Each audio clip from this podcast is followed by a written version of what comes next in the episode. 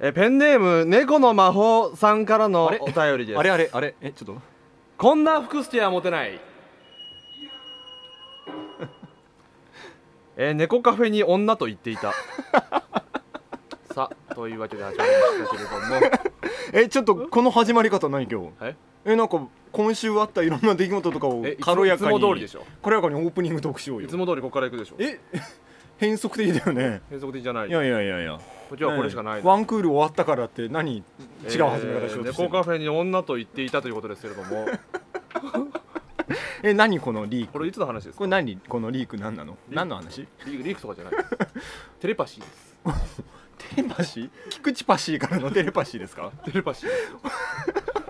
おおそうかそうあか猫カフェに女と言ってたんだまあ行ったねいつ行ったよねそれいはつよいつよえいつのこと話すよもうもう3月だよ3月 3月今何月3月の中頃だよ今日は4月の19日8ですかって9です10 19日日曜日第13回ですけれども、えー13回ですけれどもあらら3月半ばそうですかだねでもこのラジオは え4月の25日から始まってますよねはい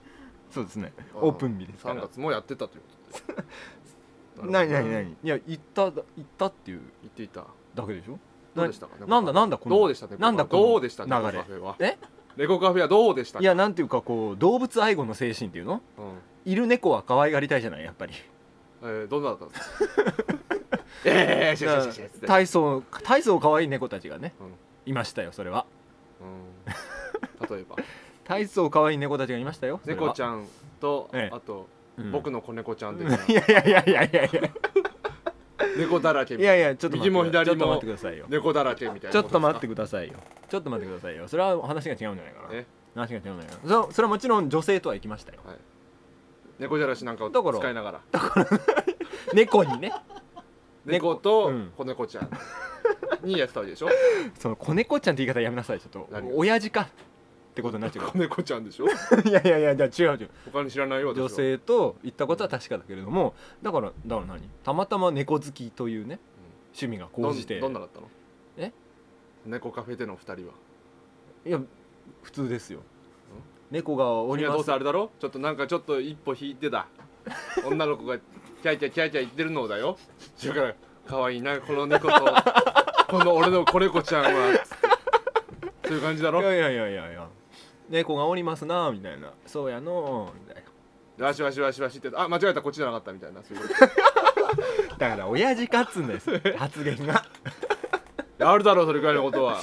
猫カフェに行って何が悪いんですか何がですか行僕きはましたよ猫アレルギーとかいけません行言いましたよそれははいええはいそれが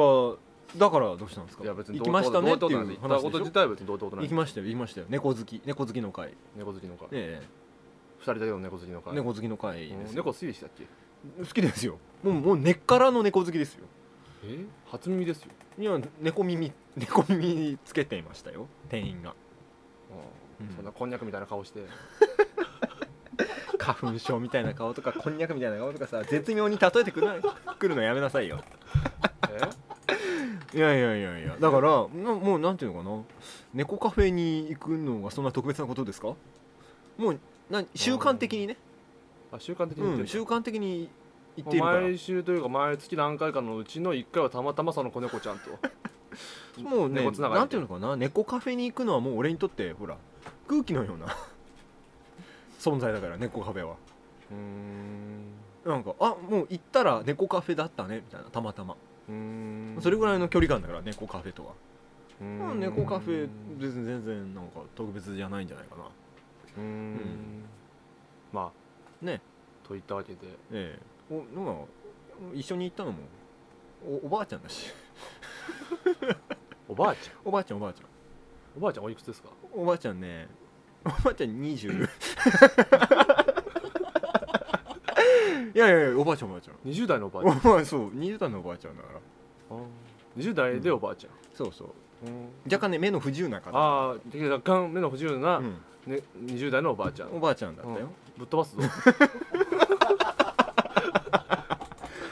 うん20代だけどね、ううん、おばあちゃんみたいなそっかなんかそっかほぼおばあちゃんですようん金さん金さん銀さんだと思って介護介護そうだね介護だと思ってくれればさ腹も立たないわけでしょこれね猫カフェに、えーね、猫カフェに女と言っていたちょっと待ってだからなんだよっていう話これ猫の魔法ってのは何ですかえそれその人もペンネームでしょ投稿してきた人こんのなめペンでもないでしょ 何ですか猫の魔法ってねな何その恥ずかしい名前何それ何ですかこれ一説によると、うんそのお店の名前っ ていうあくまで一説によるとですよああ猫の魔法西五反田店っああー西五反田 っねてこと五反田て五こと反か田いこれ問題ですよ五そう反いうことかい田なんだそのおしゃれスポットじゃレスポットじゃないけどねおしゃれスポットにうん行っていた福田福助とお送りしています はいちょっともういいやオープニング行こうこれ 行こう行こうちょこっとんな福助とお送りしています、はい多くしてるね そそしてものすごく冷酷な目で俺のことを見つめているワ シはいはい、 MST はい、でお送りするこのラジオオこのラジオさあタイトルはープニングテーマいくぞ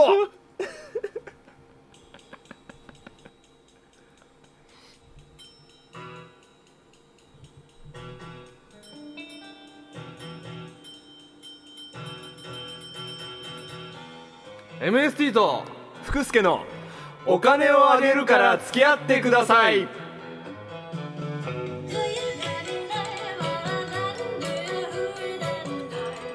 い you got it there? Well, I'm やーこれまあなでもなんだいあれですよねお日の金はやらなかったわけですよね結局えいやだ何の話何の話お金は発生してないわけですよ何の話なのかなちょっといまいちもう全然話が読めないんだおけ金はど発生してない俺は3月の半ばおばあちゃんと猫を可愛がったっていういやお金が発生してるかしてないかで言うと、うん、発生してないよねないよねそれだってボランティアだものこれ問題です問題だな何が問題なのかお金をあげるから付き合ってくださいをやってるのにな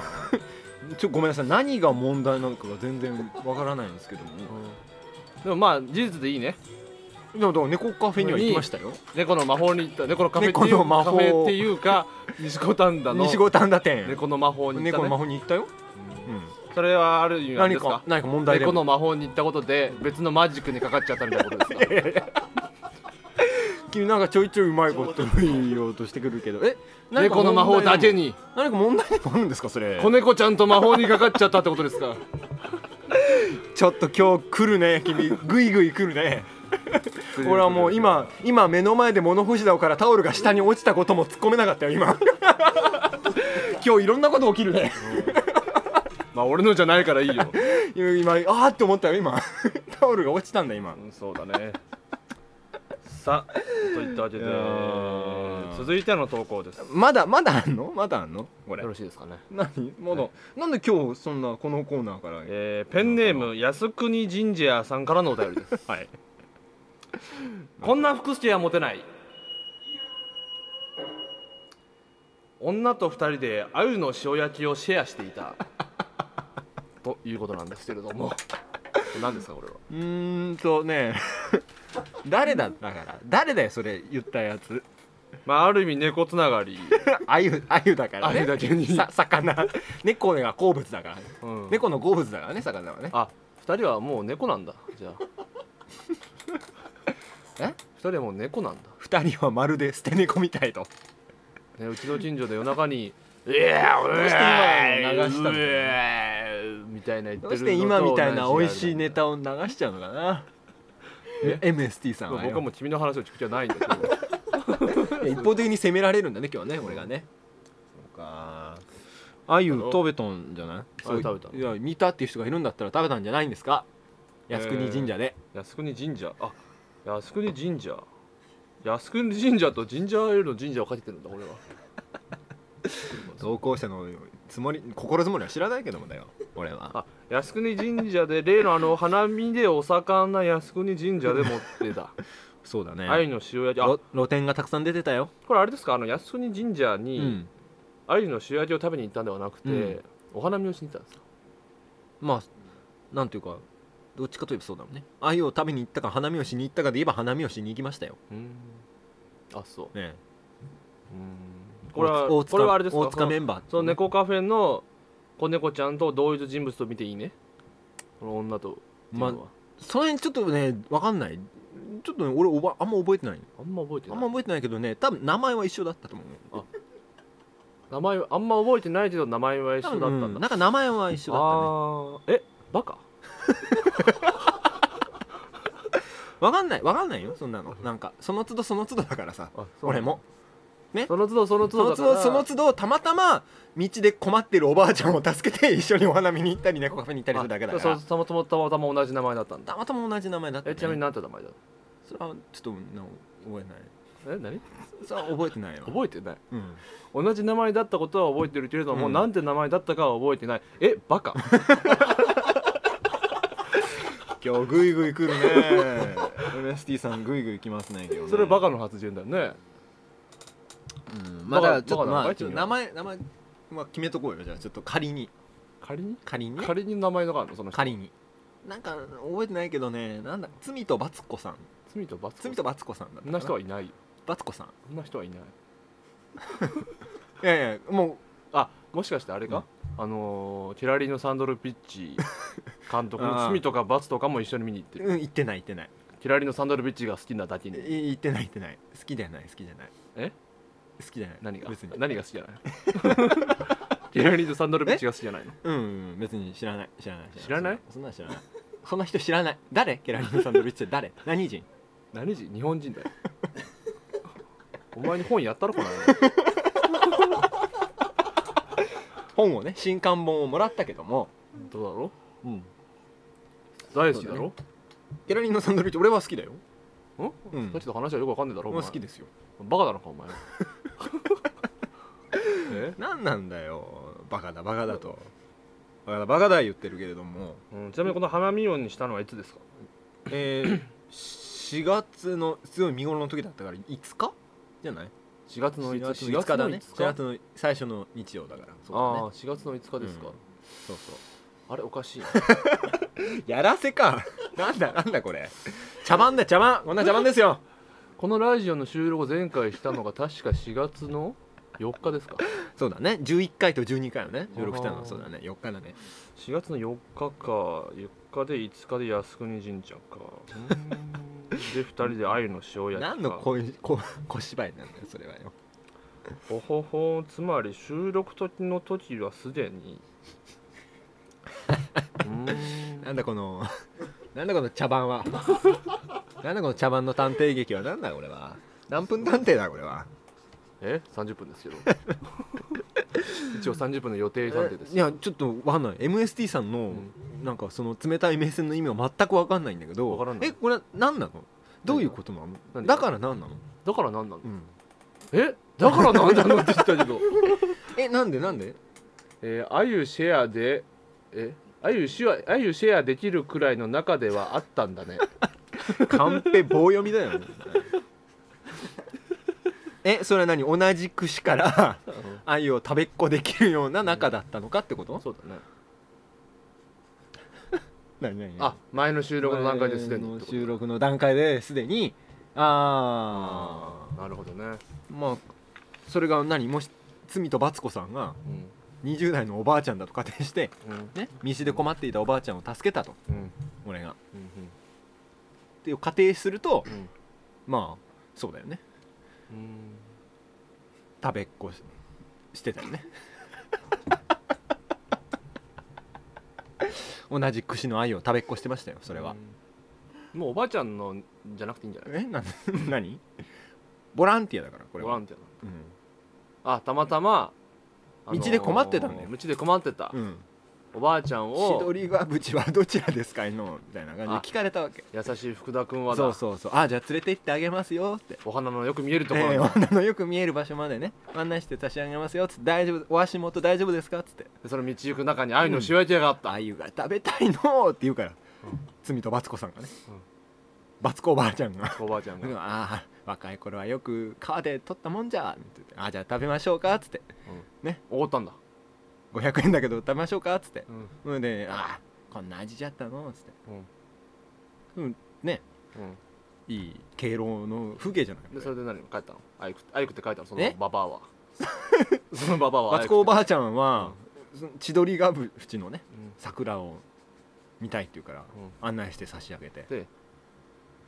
うん、ずっとそれ見てたんだ、そうだ二ね人でそうそうそうですようん、それをそのエピソードをさなんで収録の時に言わなかったのいやなになになにえなになになにそういったことがありつつそういったことがあったよっていうことを、うなんでこの前の時点で言わなかったのかと、うんうん言わないよなぜ言わなければなぜ言わないのいけなそう楽しいじゃんかったんだね面白いじゃんねいやいやいやおばあちゃんに親切にしましたよっていうそれモテそうじゃんことをモテキーワードのこのラ ジオですうんてかお前あれだろ彼女できただろ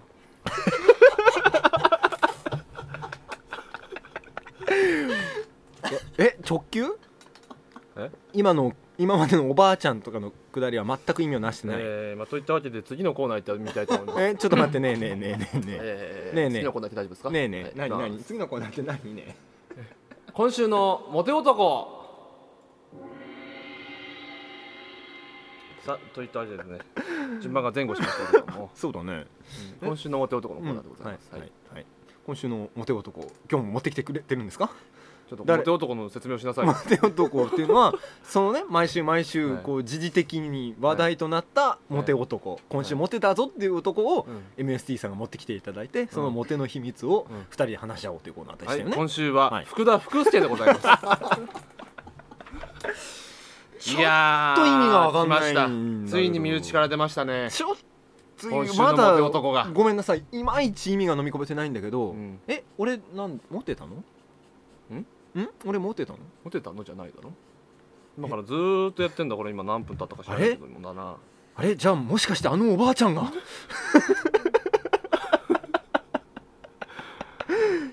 えもしかしてあのおばあちゃんがはい。あのおばあちゃんからの投稿あのおばあちゃんっていうか彼女だよ。あのおばあちゃんがまさかうん、そうそうその町の、若いあれね女となって恩返しに来てくれたのかいまあ、猫の魔法にし五反田店および靖国神社において愛の素焼きを食べた。そんなねまあおばあちゃんとはいえ女の子ですよ20代の、 20代ですからね20代のおばあちゃんね、うん、あえておばあちゃんというところを肯定するとすればだよ20代の女の子ですまあおお年寄りには親切にするもんだねううんん、そ恩返恩返し的なね、うんえことがど来るんだろうねどきこの人なのっとねどこの人なのえどこの人なのそういう情報はちょっと分かんないな何の関係の人何の関係、ん アパレル関係じゃ出な会い出会いいよアパレル関係じ出ゃな会いいはうんアパレル関係アパレル関係ううんん、うん、俺がなんかあのーあれですよあのーゴールデン街でうんちょっと迷子になって路地を曲がったところにいたんだたまたまそこでゲロ吐いてたんだうんそれあーを解放えこれさもっと突っ込んでいいんだっけここは 解放した時に出会こっこはたもっと突っ込んでもいいの嘘ですうんあのーそうそうそれはそう真ね実に追求してもいいのちょうどあいいしてあくださいちょうど電柱でねゲロ吐いてたのね何のそこを解放した時に知り合ったのねあうるせえあ悪い けど悪いけどそんな感じよ本当はえ本当は本当は、うん本当はねあの空港のロビーでねうん あのパスポートをなくしたってねあの騒いでる人がいて、うんこれですかって差し出したら、うんちょうどそうだったのね、うんそれでそういう運命の出会いがあったんだねあーまあ嘘にしちゃ面白くもねえし なおいちょっとなんか気の利いたこと言ってほしかったんだけど、なんかあのベンチ 便器の中から手が出てきてね、うんうん、掴んで引き上げたらその人だったんだねじゃあダメかいそういうの田は君今日あの友達の結婚式あるけども、あのそう今日ねこの後ね友達の結婚式が控えてるんだよねそうだね共通の知人うんの結婚式が控えてますんで、もう僕らも今スーツでお送りしてますけども、はいはいはいじゃあどうする手にうんこって書く ごめんごめんあのね提案が急すぎんだよえどういうどういうことえ君もさカンペに書かれたことをそのまま読み上げるのやめなさいよ流れを作って言いなさい何その手にうんこって書くって何いや流れ作ったじゃない僕らは今日はうん知人のね,、ね結婚式大事な結婚式ですよ大事大事なな友人の結婚式ですよ、うんっええ晴れのね舞台ですよ、うんうんてことを踏まえて、うん手にうんこ書こうか ってえ手にうんこって書くの、うん赤いマジックでそうそう君は今もう完全にキャップをさ外して待ち構えてるわけだけどさ悪かないよ出ても ねえでもちょっと待って動機が必要だよねなぜ俺は手にうんこと書かなけれいばいやけそないの手にのうんこって書いたのを写真に撮ってアップしたいから、それわざわざこの後結婚式に行かなければいけない日にやることではないよねそうそうそれが福田君らしい じゃんえ何これ罰なの え罰じゃないよ罰じゃないよねだってめでたいことだもん え俺これ今日はな友なん達かの結婚式だし、福田君に彼女ができたっていうことを今こうして言えるっていう意味で非常にめでたい4月の19日えこれ罰なの なんか恨んでんの 何よ見せしめ何これ何を恨む何を恨む必要が妬んでんのえ妬む ぶっ殺すぞお前 ちょっと困るな困るよ妬みそねみとは一切無縁の男ですよ僕は MST 君困るよちょっとさずっと お金をあげるから付き合ってくださいでさ、うんラジオずっとやってこって誓ったじゃんやってきたんだからある種の裏切りっていうんですかねいや別に君にそのね君が幸せになること自体は僕はもう大歓迎なんだけれどもそれよだよやっぱりその真実を隠してだその放送に臨んでいたこのことについてやっぱね糾弾したいっていう部分がそいやの我々となんだろう我な々スタッフのねあれあるわけでですもよなんでなんで言わなければいけないのか、でまああわからなといやっぱりこのコーナーさ、うんあのなんだかんだ言っても、うん今週のモテ男っつってあの有名人からうん学んできたとこあるけど、そうだねはいそういう意味で身内はタブーだったんだよねああはいあそうそうでしょうねそうそ身うでしょうね内から今週のモテ男が出るとはまあ思わないわけだし、我々二人モテを学ぼうっていうコーナーだったわけだか聞らいてる人もなんだよっていう話じゃないですか、そういっそうだたね意味でもやっぱりもう、うん僕はごめんこれは僕が決め僕が勝手に決めたことだけど、うんこのコーナーも今日で最後にしようと思って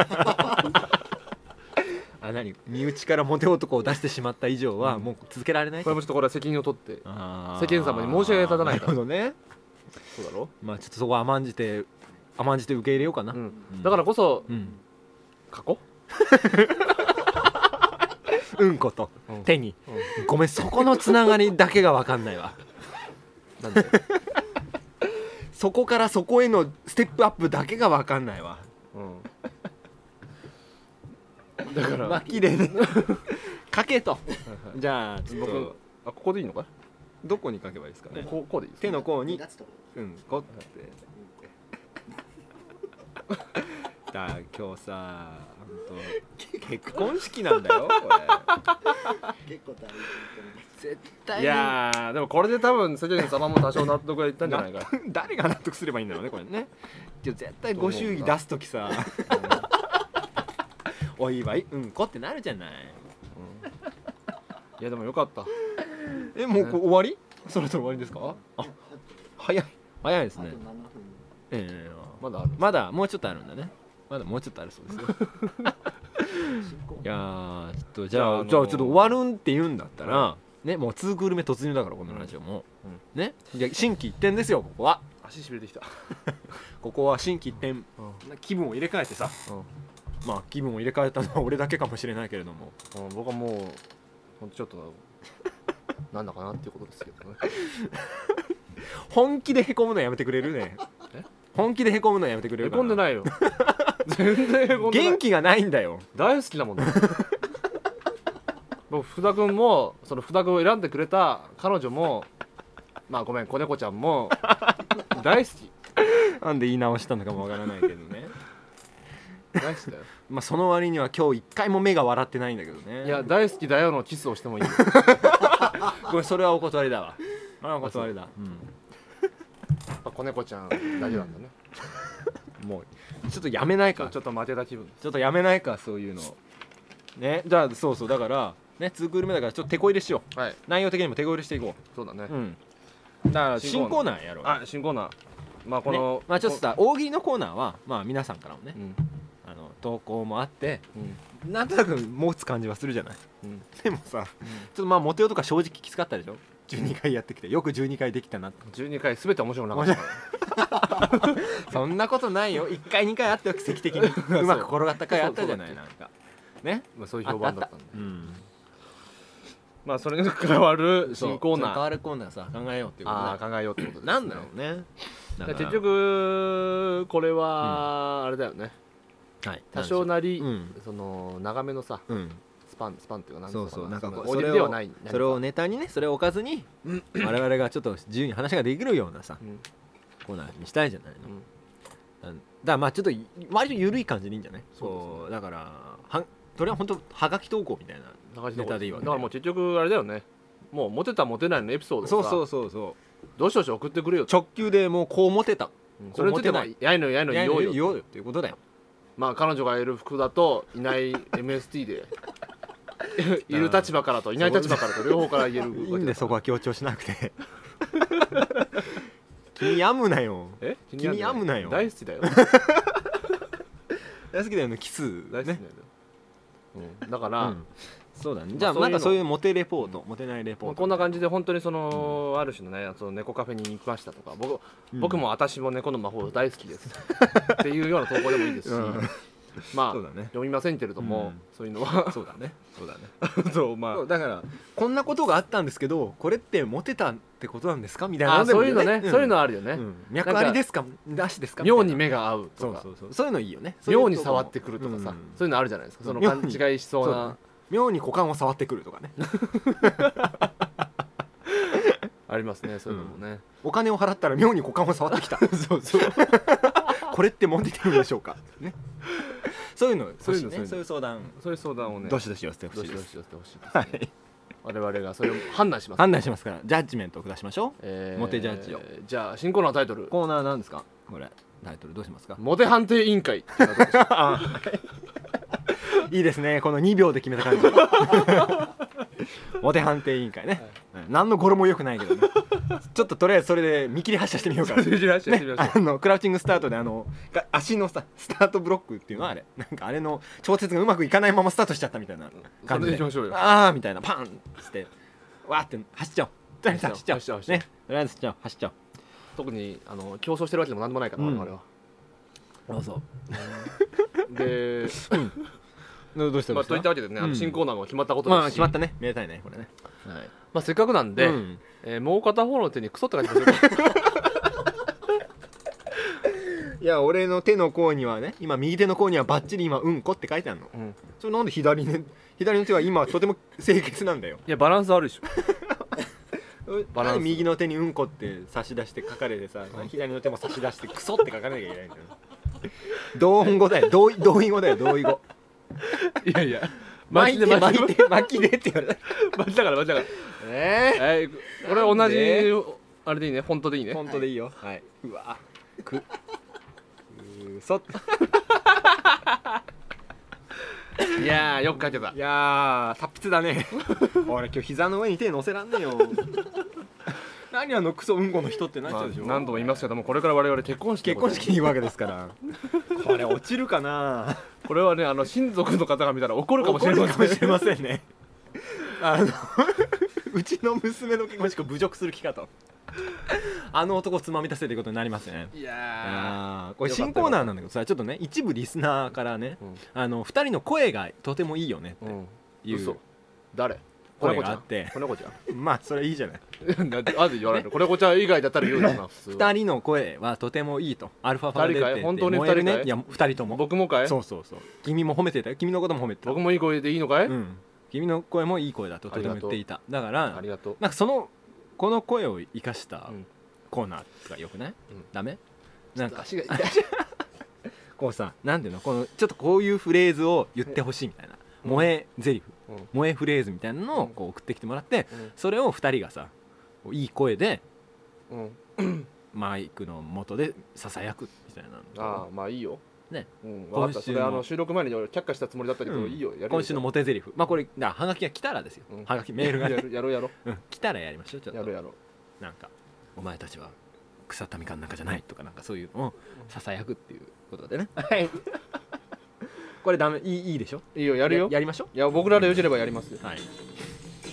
やらせていただきたいなと思ってますささあといったわけでそ第んなわけ13で回はい13ツ回ークルメに突入ということでねツークルミ突入でねいやいやーー頑張っていこ頑張っていこう頑張っていこうねこれからいろんなことがあるけども頑張っていこう春だから春だからねうはいそうですねじゃあ頑張っていこう頑張っていこうツといーっクたルわミけもで頑張っていこううんうんじゃああのー何須田君最後にはい一言お願いしますああえあのいつものでいいのかいいやいつものじゃないいつものじゃなくてんあじゃあこれからもこれからもよろしくお願いします MST さん見捨てないでいやそうじゃなくて何何言うことがあるだろ君の口からちゃんと言うことえがあるよ何どなういうことどういうことえーじゃあもうイエスノーでも いいよああああすいませんあの彼女ができ ましたややもんこんなん言うのややったもんはいもうというわけでもうあれどうしようかああもうやりづらいわまあでも来週もまたってことでいいよねそううだねうん今もうモテてる人もう全然いろんな人にモテていきたいわけだから俺はあそううん多方面に三角えー食まあべ、こんな福祉に対するあのー、バリ雑言のメー ルお待ちしておりますはいはいはいというわけでまた来週から頑張りましょうかはい頑張りましょう行ってみましょではまたう来週もモテますようにに「手がかりを呼べばけるならば」